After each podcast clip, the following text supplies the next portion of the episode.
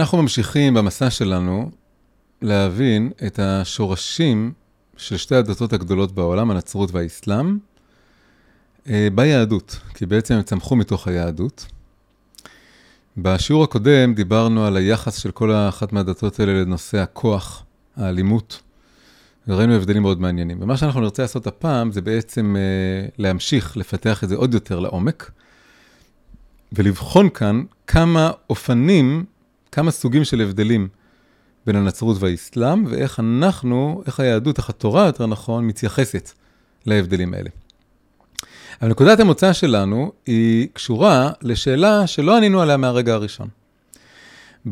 כשרק התחלנו לדבר על כל הנושא הזה, אמרנו שיש פלא פלאים, ששתי הדתות הכי גדולות בעולם, שביחד זה, המאמינים שלהם יותר מחצי מהאנושות, הם כולם רואים את עצמם כהולכים בעקבותיו של אברהם אבינו, אבל כמובן בשתי דרכים מאוד מאוד שונות. והעובדה המדהימה השנייה הייתה שבאיזשהו מקום התורה צפתה את זה, חזתה את זה, אה, הצביעה על זה בסיפורים של ישמעאל ועשו, שני הילדים הדחויים שעוזבים את המשפחה של אברהם, כל אחד הולך לדרכו, וכל אחד גם מקבל ברכה גדולה מהשם להצליח ולשגשג בדרך הזאת, כי בכל זאת, הם הבנים של אברהם, ממשיכים באיזשהו אופן, זו או אחרת, את הדרך של אברהם. ברבות ההיסטוריה, ברבות הזמן, ראינו שבאמת, מישמעאל צמח האסלאם, ומעשיו יצאה ממלכת אדום, אדום זה רומא, רומא אימצה והאדירה את הנצרות, והפכה אותה למה שהיא הייתה. אבל השאלה של נשארה שם פתוחה, זה, אבל רגע, הילדים זה היה קודם ישמעאל ואז עשיו.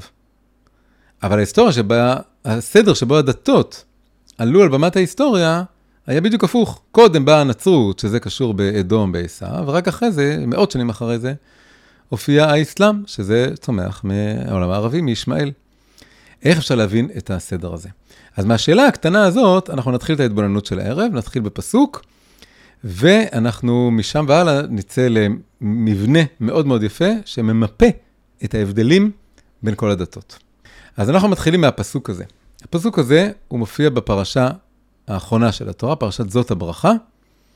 זה הפסוק השני, הפסוק הראשון זה בזאת הברכה, שזה בעצם הברכה האחרונה של משה רבנו לכל עם ישראל, לפני שהוא נפרד מהם ונפטר ב... אה, לקראת ממש סוף התורה, שמונה הפסוקים האחרונים מתארים את הפטירה שלו.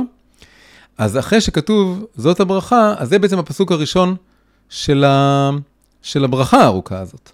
וזה גם הפרשה הזאת וגם הפרשה שלפניה, האזינו, הן מאוד פיוטיות ומסתוריות, וקשה להבין אותן, אבל אנחנו ננסה לפצח את הפסוק הזה. אז הפסוק אומר ככה, ויאמר, השם מסיני בא, וזרח משעיר למו, למו זה אלינו, אה, הופיע מהר פרן, ואתה, אתה זה בא, מרבבות קודש, מימינו אש דת למו. פסוק מאוד מוזר ומסתורי. עכשיו, מה קורה כאן? החלק הראשון מתאר בעצם שלושה הרים. הר אחד, אנחנו יודעים מה זה. מה, מעד הר סיני? ההתגלות של השם בהר סיני. אבל אז כתוב שהוא גם הופיע, לכאורה באותו זמן, אה, מהר שעיר, שהוא שם הוא זרח דווקא, ואז גם מהר פרן, שמשם הוא הופיע. יש בה, זרח והופיע, ויש סיני, שעיר והר פרן. מה הסיפור פה? אז אה, דרך אחת לפרש את זה, זה פירוש מפורסם של חז"ל, זה שכשהקדוש ברוך הוא נתן לנו את התורה, הוא לא הציע אותה רק לנו, הוא הציע אותה לכל העמים. שעיר ופרן מסמלים כאן את, שעיר זה ההר של עשיו, עשיו הרי נולד שעיר, אז ככה קראו לו, וההר שלו, האזור שלו, של ממלכת אדום, נקרא הר שעיר. פרן זה איפה שהלך לגור ישמעאל, ישמעאל הלך, הלך לגור במדבר פרן. אז, אה, אז הש, פתאום קורה דבר נורא מעניין, מוזכרים כאן, כשמתארים את מעמד הר סיני, רמוזים, כל הצאצאים של עשיו וכל הצאצאים של ישמעאל, ושימו לב, מה הסדר? הסדר ההפוך מאיך שהם נולדו. עשיו, שהוא בא אחרי ישמעאל, הממלכה שלו מוזכרת קודם לכן, זרח משעיר למו, וישמעאל, הר פרן שרומז לישמעאל, מופיע שלישי. הסדר שאנחנו מכירים מההיסטוריה, אבל שהוא מאוד מוזר בהקשר של התנ"ך, כי הרי הוא הסדר ההפוך של איך שהם הופיעו בעולם. אז אז עוד אז חז"ל אומרים שהתורה ניתנה, אבל בעצם הקדוש ברוך הוא הציע אותה לאדומים ולישמעאלים, והם מוסיפים דבר שלא רמוז כאן, שהוא גם מציע אותם לעמון ומואב, עמון ומואב זה מי שיצאו מלוט, אבל כל אחד מהם דחה את ההצעה, כי היה איזה מצווה שם שלא לא מצא חן בעיניו. הוא אומר לו, אני יכול לקבל את כל התורה חוץ מהמצווה הזאת. כן, לא תרצח, לא מקובל עליי, לא תגנוב, לא מקובל עליי. כל אחד היה מצווה אחרת שהוא לא רצה, אז הוא לא קיבל את זה, ויצא שרק אנחנו קיבלנו את זה. זה מדרש מאוד מעניין, שבעצם אומר שהקדוש ברוך הוא היה רוצה לתת את התורה לכל האנושות. כפי שאדם הראשון היה אמור להיות, לעבוד את השם ולהעמיד אנושות שלמה שעובדת את השם, אבל זה לא צלח, זה הוביל למבול. וכפי שנוח, גם כן אותו דבר, היה אמור להעמיד את כל האנושות מחדש, תחת הכיפה של עבודת השם, של המזבח, קורבנות, מה שהוא קיבל בתיבה, אבל גם זה לא צלח, זה הוביל למגדל בבל. אז זה הצטמצם לאברהם אבינו, אבל פה זה היה אמור להתרחב מחדש עוד פעם. כמה דורות אחרי אברהם, זה היה אמור להיות עוד פעם להיות לכל העמים, אבל הם, הם כאילו דחו את זה. אבל אנחנו יכולים לתת עוד פירוש, והפירוש הוא שזה בעצם מנבא, זה אנחנו חכמים לאחר מעשה, אבל מה לעשות, אנחנו לאחר מעשה, אנחנו מסתכלים אחורה בהיסטוריה, ואנחנו יכולים לראות שבעצם זה רומז להתגלות ההדרגתית של היהדות, ואחרי זה גם של מי שראינו שהרמב"ם אומר, שהדתות האלה הם בהשגחה באו לעולם. הם האופן שבו הקדוש ברוך הוא מספר בהדרגה לאומות העולם על התורה שלו. בהדרגה, כי הוא מלביש את זה בדתות שיש בהן גם הרבה דברים לא נכונים, אבל לפחות הן מפיצות לעמים רחוקים אה, כמה מעיקרי האמונה המקראית. אז יוצא שהחלק הראשון מדבר על היהדות. השם מסיני בא במעמד הר סיני, זה כן היה רק לנו, זה התגלה רק לנו, אולי זה הוצא לכם והם לא רצו, אבל בפועל זה היה ההתגלות שלנו. אחרי אי אלו מאות שנים, אז הנצרות מגיעה, זה כאילו עוד הר, זה, כל הר פה זה כמו דת. אז יש את הדת הראשונה, זה היהדות, ואז צומחת עוד דת, מעשיו, שזה הנצרות, ומאוד מאות שנים אחרי זה, אז מופיע האסלאם מהר פארן, מהר פארן, מדבר פארן, זה ישמעאל שהולך לפארן, לערב, ומשם מייסד את האסלאם. אז בעצם הפסוקים האלה רומזים ומסדרים לנו את הסדר שראינו בהיסטוריה, אה, שהם כאילו החליפו מקומות. הנצרות והאסלאם החליפו, ישמעאל ועשיו החליפו מקומות. אה, עשיו, הצעיר יותר, השיג את ישמעאל, ישמעאל ותיק יותר, אבל הוא לא הצליח להעמיד את הדת שלו כל כך מהר. עשיו הצליח לעשות זה יותר מהר, והוא לקח את הנצרות שצמחה מהיהדות, ומוחמד הגיע רק אחרי זה. אפילו המילים זרח והופיע מתאימות פה מאוד יפה, כי זריחה זה דבר הדרגתי, והופעה זה דבר פתאומי. כן, כמו לפתע פתאום, להופיע זה כמו לפתע, הפ' והעין. אז מה זה הזריחה ההדרגתית? שהנצרות נולדת מיהודי. היהודי בהתחלה הוא יהודי, שומר מצוות, ירא שמיים, שהולך ולאט לאט מתרחק, מתרחק, וזו... ואז בהדרגה, בדור הבא, פתאום התלמיד שלו, פאולוס, אומר, רגע, בואו נפתח את זה לגויים, בואו נבטל את המצוות. וזה מתרחק עוד יותר, ואז פתאום באים מהרומאים ומאמצים את זה. זה תהליך של זריחה הדרגתית, כי זה נולד מתוך היהדות, בידי יהודים. אז בהתחלה זה חלק מהיהדות, עד שמסתמן שזה לא חלק מהיהדות. אבל מוחמד הופיע, מוחמד משום מקום, מי אתה? מי שמע לך? ערבי מערב, קופץ ואומר, יש לי דת חדשה, אז זה הופיע מהר פרן. אז זה דרך מעניינת לחשוב על, כל ה, על, הפס, על החלק הזה של הפסוק. עכשיו, פה, החלק הרביעי כאן, אה, אני רק במילה אחת אני אגיד, אתה זה הקדוש ברוך הוא, זה עוד פועל, כמו שהוא בא, זרח, הופיע, אז הוא גם אתה, הוא, הוא בא. מרבבות קודש. עכשיו, בפשטות, מה זה רבבות קודש? זה כל המלאכים שלו. הוא בא עם כל המלאכים שלו. ו... ואחד הפירושים, מרבבות קודש, הוא הביא איתו למעמד הר סיני רק חלק מהמלאכים שלו. מי? רק כמה מתוך רבבות הקודש שלו. בעצם יש לו הרבה הרבה יותר. אבל ההצעה שאני מציע פה זה שאם יש לנו את הנצרות והאסלאם, אז מה נשאר לנו בכל דתות העולם? הקטגוריה האחרונה שיש לנו פה זה בעצם הדתות של עובדי האלילים, שהגדולה שבהם זה ההינדואיזם. אבל אפשר לשים תחת ההינדואיזם את כל הדתות של עובדי האלילים. אבל בפרט, למה בפרט ההינדואיזם? בגלל שהרי יש לנו מסורת כזאת, כתוב שכשאחרי ששרה מתה, בפרשתנו, אז אברהם אה, נושא פילגשים, חז"ל אומרים שזה בעצם היה רק פילגש אחת, זו הייתה הגר, שהוא התחתן איתה עוד פעם, וקראו לה קטורה, ויש לו עוד ילדים, נולדים לו בערוב ימיו, והוא משלח אותם. כמו שאמרה לו אשתו לעשות עם אה, הגר וישמעאל, אז הוא כאילו מעצמו עושה את זה. כדי לשמור על יצחק, הוא שולח אותם למזרח עם מתנות. ושני הסברים מה זה המתנות האלה. אחד, זה כל האוצרות שהוא הרוויח בחיים שלו מהמלכים הנוכרים, והוא לא רצה ליהנות מהם, אז הוא, שלח, אז הוא נתן להם מלא כסף. ויש עוד פירוש, הוא נתן להם שם של טומאה. איזשהו שם מיסטי, שם רוחני. אחד ההסברים הכי יפים של הרב גינזבורג זה שמה זה שם של טומאה, למה שהוא ייתן להם שם של טומאה, למה שהוא יעשה כזה דבר מוזר? הכוונה היא נתן להם שם קדוש, אבל שם קדוש שאפשר להשתמש בו בטומאה. בארצות של טומאה, במצבים של טומאה, בלי שיש לך טהרה, אתה פשוט יכול להשתמש בשם הזה שם. והוא הציע שהשם הזה זה המילה ההודית המפורסמת אאום, שהסמל שלה הוא הסמל העיקרי של ההינדואיזם, שזה בעצם מכלול הדתות והפולחנים של רבבות אלילים, יש שם רבבות רבבות של אלילים, המוני אלילים. אז הרבבות קודש הזה רומז בעצם להינדואיזם על, על רבבות אליליו, שזה גם סוג של התגלות עקיפה של הקדוש ברוך הוא שהוא שלח דרך אברהם. אגב, איך קוראים? מתוך כל הרבבות אלילים האלה בהינדואיזם, בכל זאת יש אחד ראשי, האל הבורא. האל הבורא הוא ראשי יותר מכל האחרים. איך קוראים לו? קוראים לו ברהמה. ברהמה זה אברהם, אותם אותיות. ואיך קוראים לאשתו? לכל אחד מהאלים האלה יש אישה. איך קוראים לאשתו?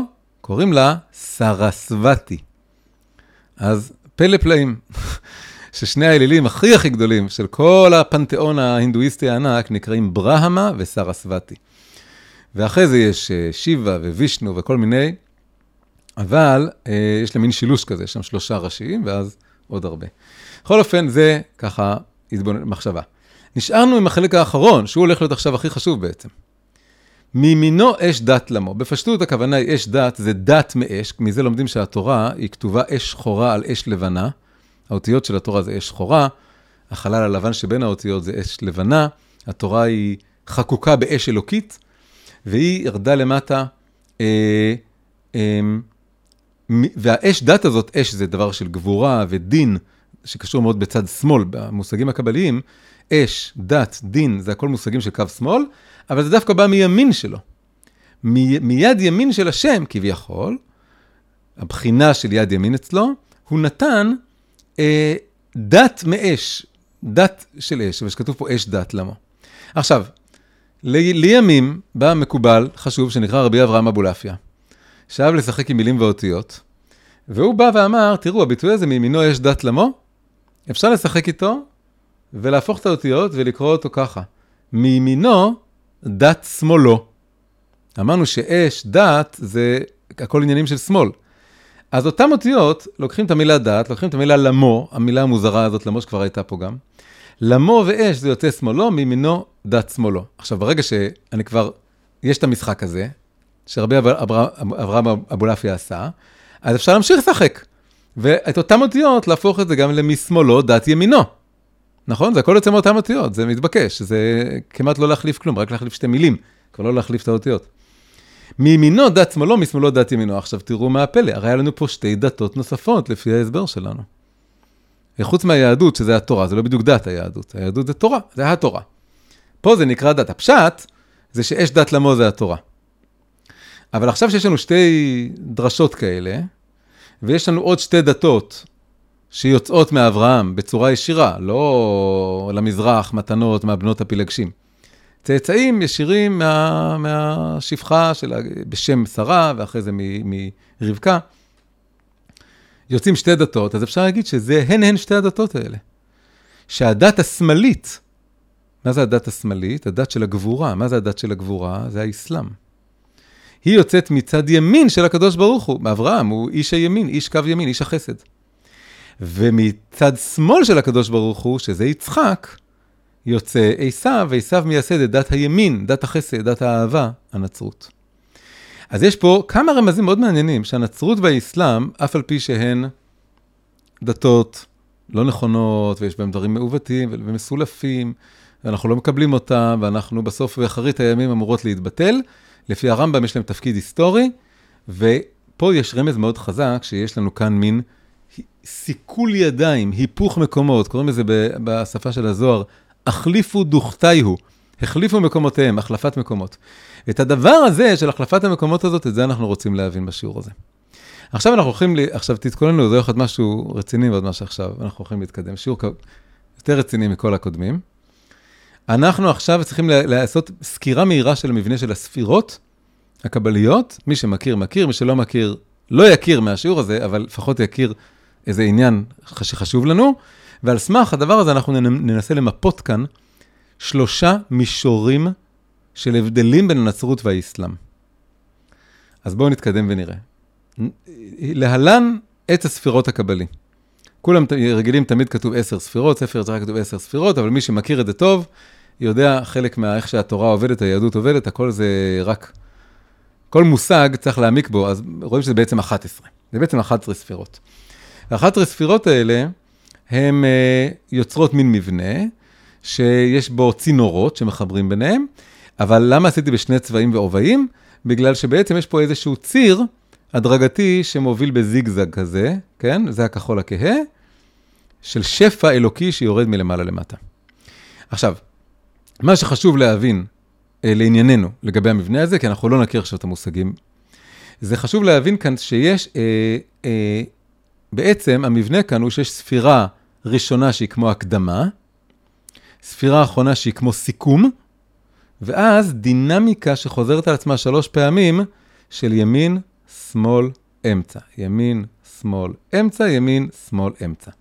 אז נוסיף פה קצת מושגים. אפשר להגיד שהכתר מסמל את האמונה. אנחנו לומדים בשיעורים, בשבועות האלה גם על אמונה. אמונה זה הבסיס של הכל, המקור של הכל, יש אמונה בהשם.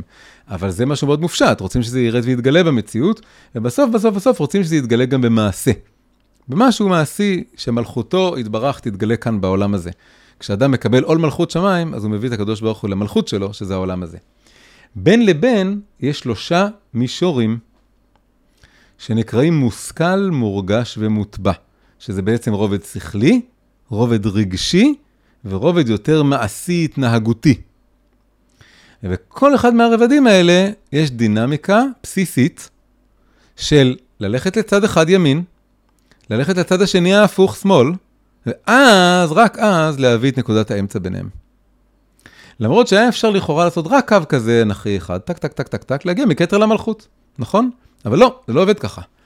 השפע האלוקי לא יורד בקו ישר, הוא יורד בקו זיגזג, אגב, זה הסוד של מה שנקרא עם סגולה. עם סגולה, שהצורה הזאת של המשולש זה הצורה של הסגול. הניקוד הזה של הסגול הוא ניקוד מאוד קדוש ומיוחד, הוא קשור להיותנו עם סגולה.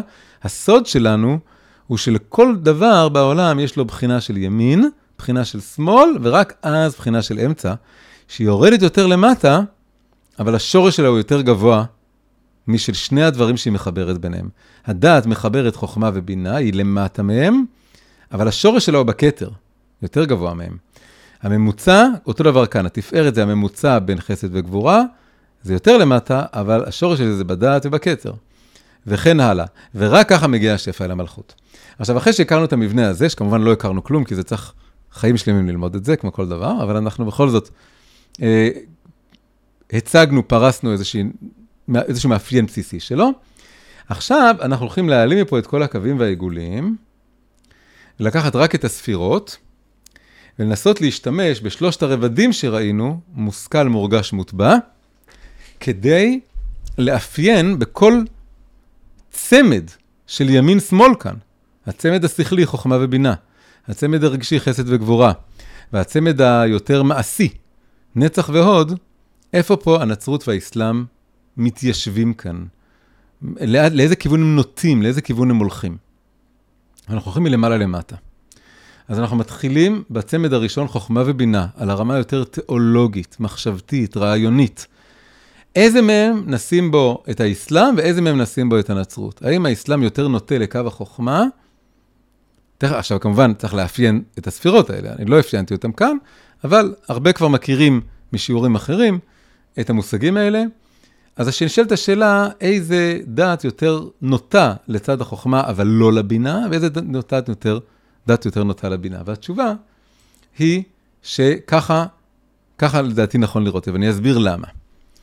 האסלאם, ברובד הזה השכלי הרעיוני, האסלאם נוטה לקו ימין, והנצרות לקו שמאל. אז יש כמה סיבות לזה. הסיבה הראשונה היא קשורה לשיעור הקודם. בשיעור הקודם הראיתי, הראיתי שהאסלאם נולד מרוח התורה שבכתב, קוראן זה דומה למקרא, מוחמד, הקוראן מאוד מבטאים את הקדוש ברוך הוא המקראי, הלוחם, החזק, המעניש. ולעומת זאת הנצרות נולדה מרוח התורה שבעל פה, שהיא יותר של חסד ועדינות ומתינות ותפילה אה, אה, ועבודה פנימית, עבודה אישית. אבל הם הקצינו, בגלל שהנצרות דחתה את התורה שבכתב, היא קראה לזה הברית הישנה, והיא בעצם אמרה, לא ככה אנחנו רוצים לחיות. והאסלאם בעצם דחה את הרוח של התורה שבעל פה, כי אין שם תורה מרככת כזאת, הוא נשאר עם הרוח המקראית, הקנאית, הקשה, ו- וזה מאפיין את ארצות האסלאם במידה רבה עד היום.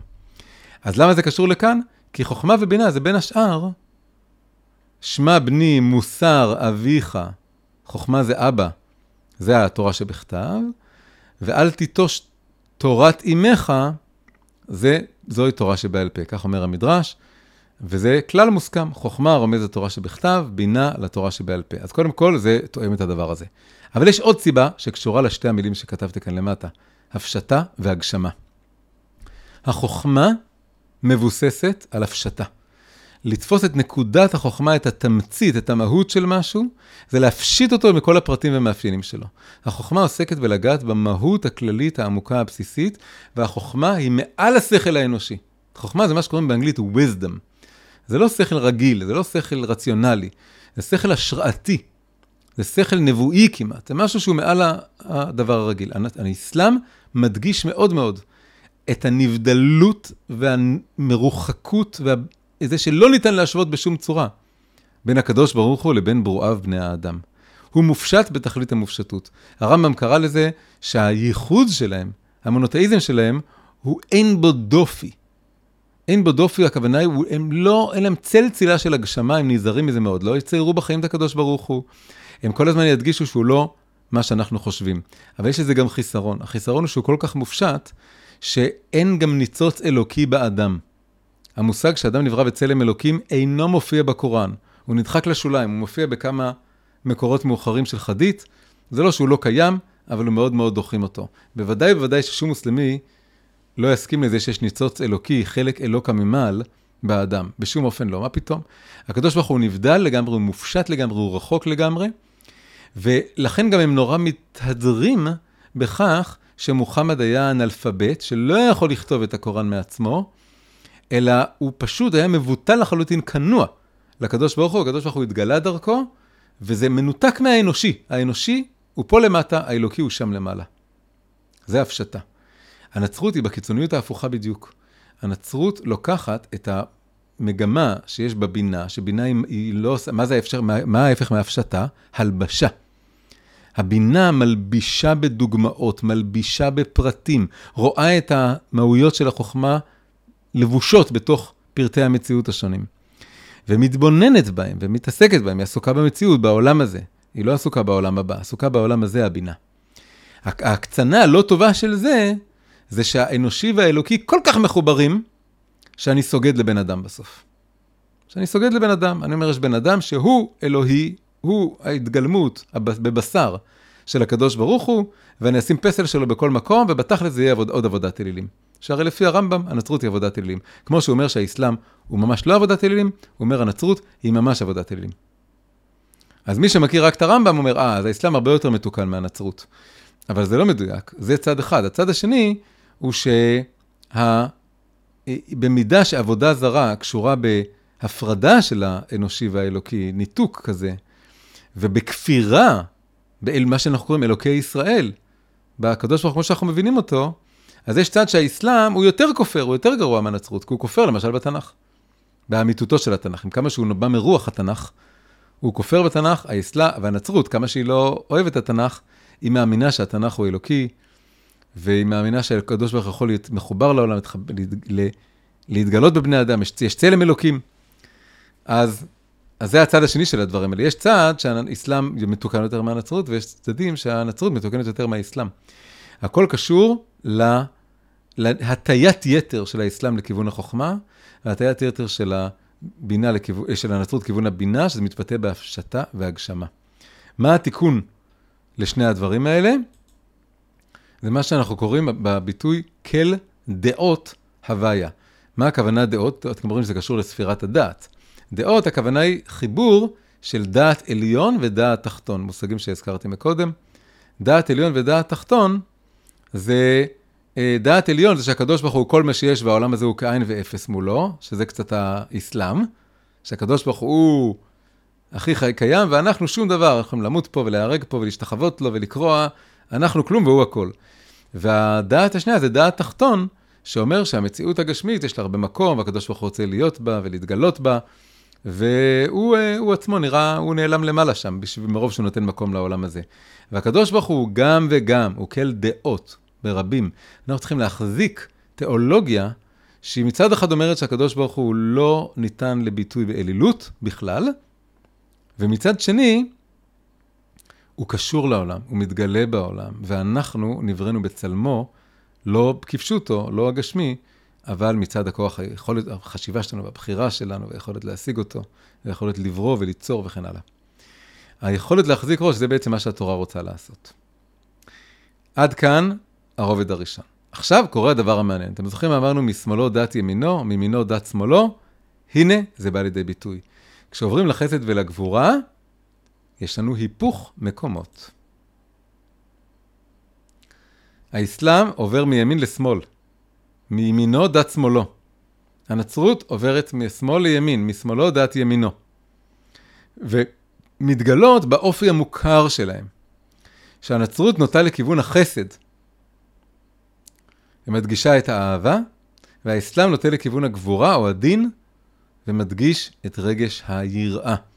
שהרי בתכלס, קוראים, בקריאה הכי פשוטה, קוראים את הקוראן, זה לא שאין שם חסד ואהבה, אבל הם uh, לא העיקר.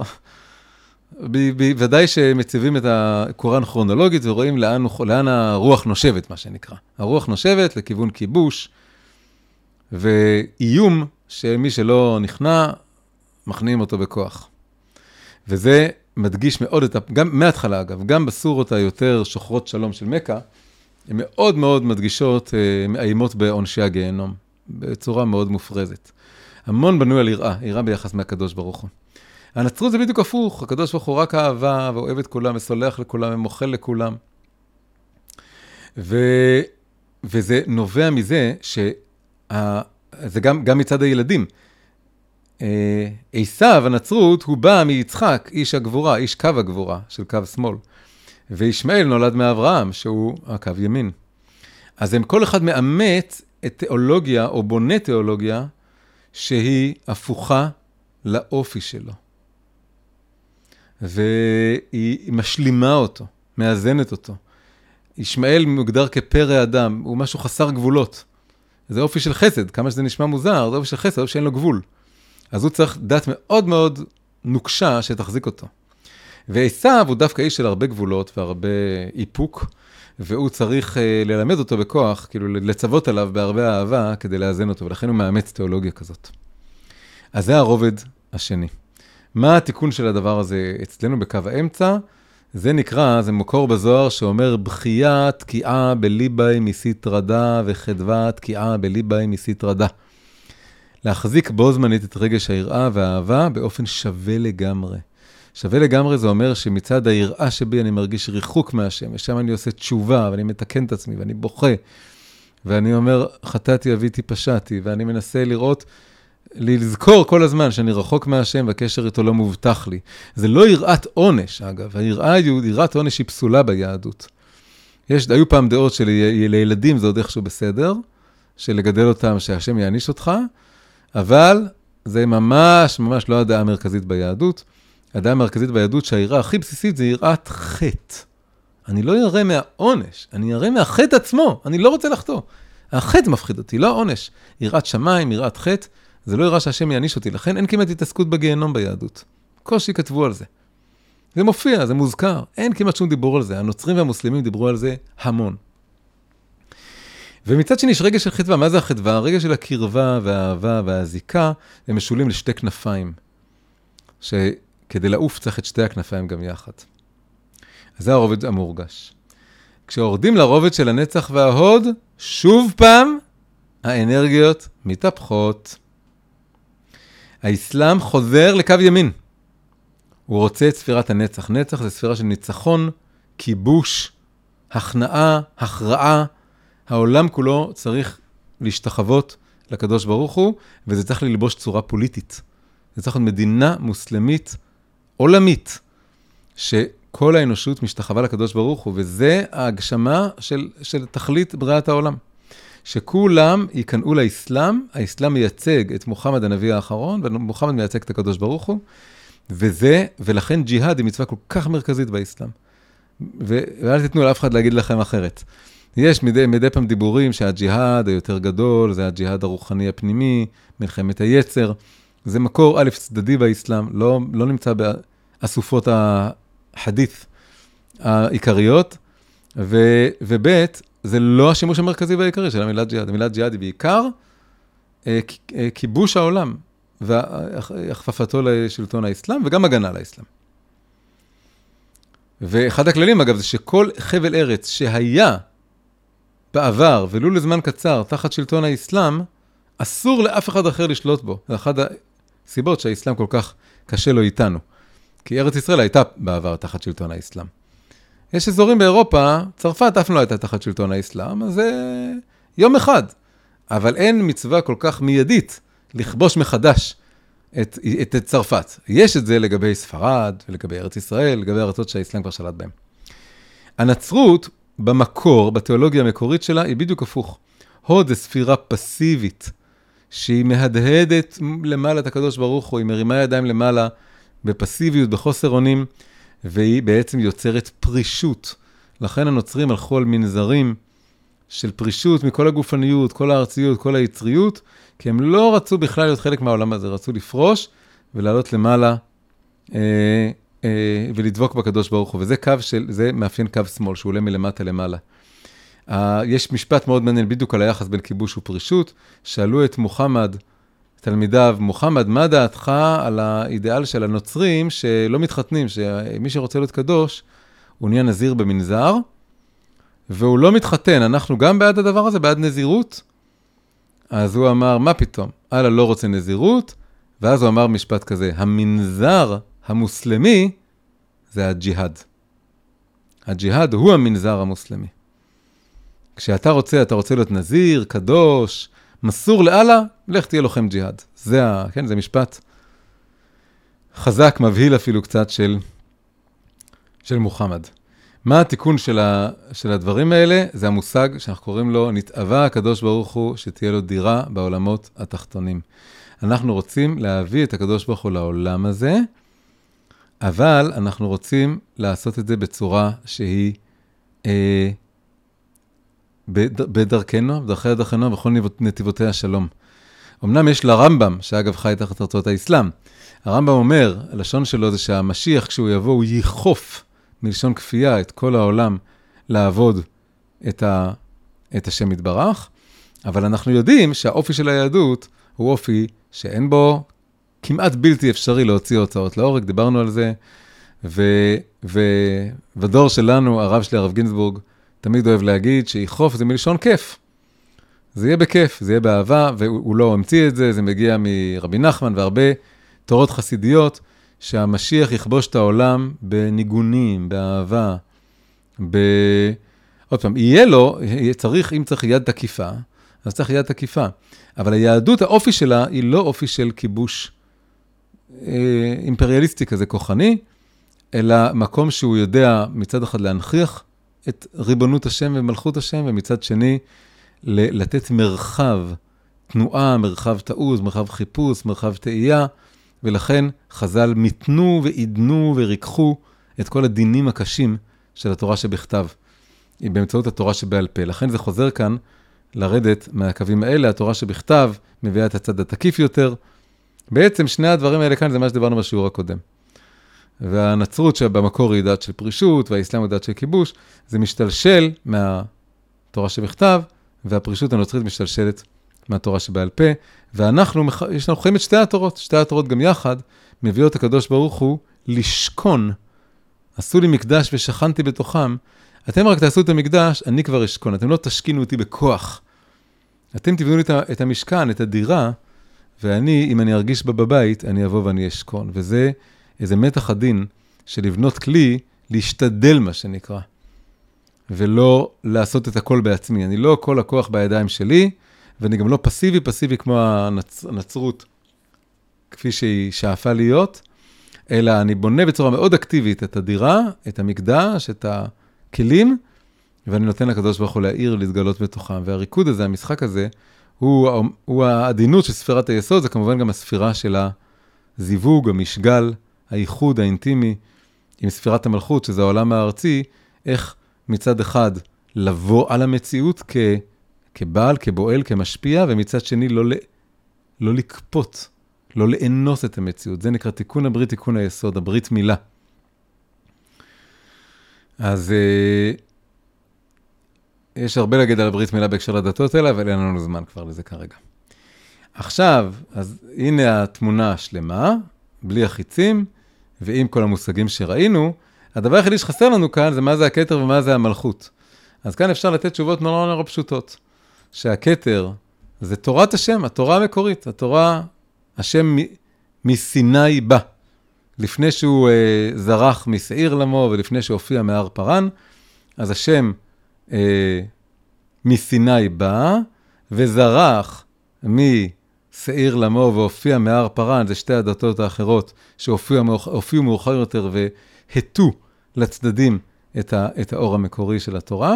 ובסוף, בסוף, בסוף, בסוף, אחרי שהמשיח יבוא ונלמד, נבוא לכל הגויים כמורים, ונבוא למוסלמים ונראה להם מה, מה היה נכון באסלאם, אבל גם כל מה שלא היה נכון, ומה היה נכון בנצרות, וגם כל מה שלא היה נכון בנצרות. ונגיע למצב שכאז יהפוך אל עמים שפה ברורה, לקרוא כולם בשם השם, לעובדו שכם, שכם אחד, גב אחד, אך באחווה אחת אנושית אה, כללית, אז זה בעצם יהיה תורת משיח. התורה של המשיח היא לא רק לעם ישראל, היא לכל העולם, לכל האנושות, והיא תכיל בתוכה את כל הניצוצות שיש בנצרות ובאסלאם, שבשביל זה הם בעצם באו לעולם, בשביל אה, להפיץ מה שהם הפיצו, אבל אז צריך לברר אותם. אז מה שבעצם עשינו כאן, הוא איזשהו ניסיון שלי, הדברים האלה הם לא חקוקים באבן, אני לא... הם לא כתובים כמו שפרסתי אותם כאן בשום מקום, זה ניסיון שלי אה, לאפיין, למפות את ההבדלים בין הנצרות לאסלאם על פי המערכת המושגים הקבלית.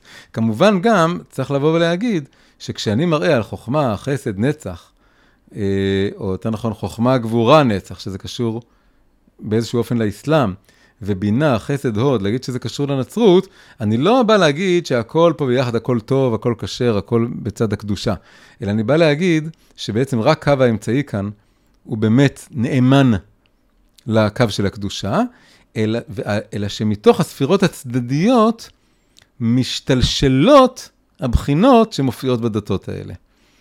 כלומר, ברמה התיאולוגית, ברמה של המושכל, האסלאם יונק מספירת החוכמה, אבל הוא משבש אותה, כי אין שם את הבינה, אז זה, אז זה לא מאוזן, זה לא מתוקן.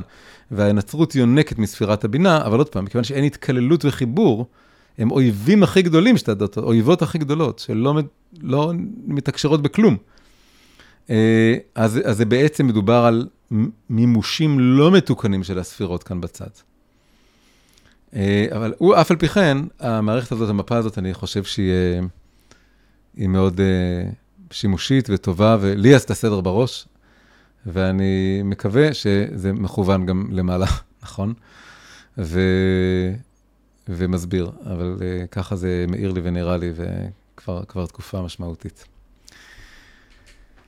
בסדר גמור. אז uh, חברים יקרים, בזה הסתיימה הסדרה שלנו על uh, ישמעאל, עשו ואנחנו, והתפילה שאנחנו רוצים לסיים איתה, היא שאנחנו נזכה דרך כל השיעורים האלה והלימודים האלה וההתבוננויות האלה, בעצם uh, ל- להשתמש בהם כדי לחזור לעצמנו, במובן מאוד עמוק, לחזור אל השורש שלנו, אל הייעוד שלנו, לתורה שלנו, שמתוכה צמחו שתי הדתות האחרות, ואני מאוד מאמין שאם אנחנו נעשה את זה ונהיה נאמנים לזה, מחוברים לזה, אז יהיה לנו תפקיד מכריע ומשמעותי מאוד בדורות הבאים, ואולי כבר בדור הזה, בקונפליקט ההולך ומתהווה בין האסלאם, הדת הגדלה ביותר במהירות בעולם, לבין תרבות המערב, שבעצם צמחה מהנצרות.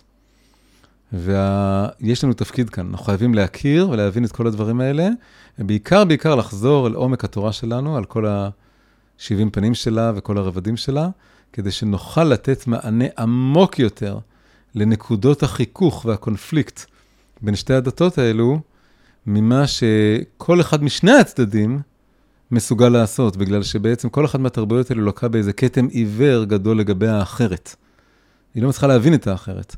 אבל לנו יש איזושהי הזדמנות או יכולת או כוח, אנחנו ממוצבים במקום שיש לנו יכולת להבין את שתיהן, כי אנחנו המקור של שתיהן. אז אם אנחנו המקור של שתיהן, ואנחנו בעין הסערה שעומד באמצע ויכול לראות אותם, אז אולי יש לנו גם uh, תפקיד מפתח בליישב בין המלחמות הגדולות האלה. שנזכה לזה.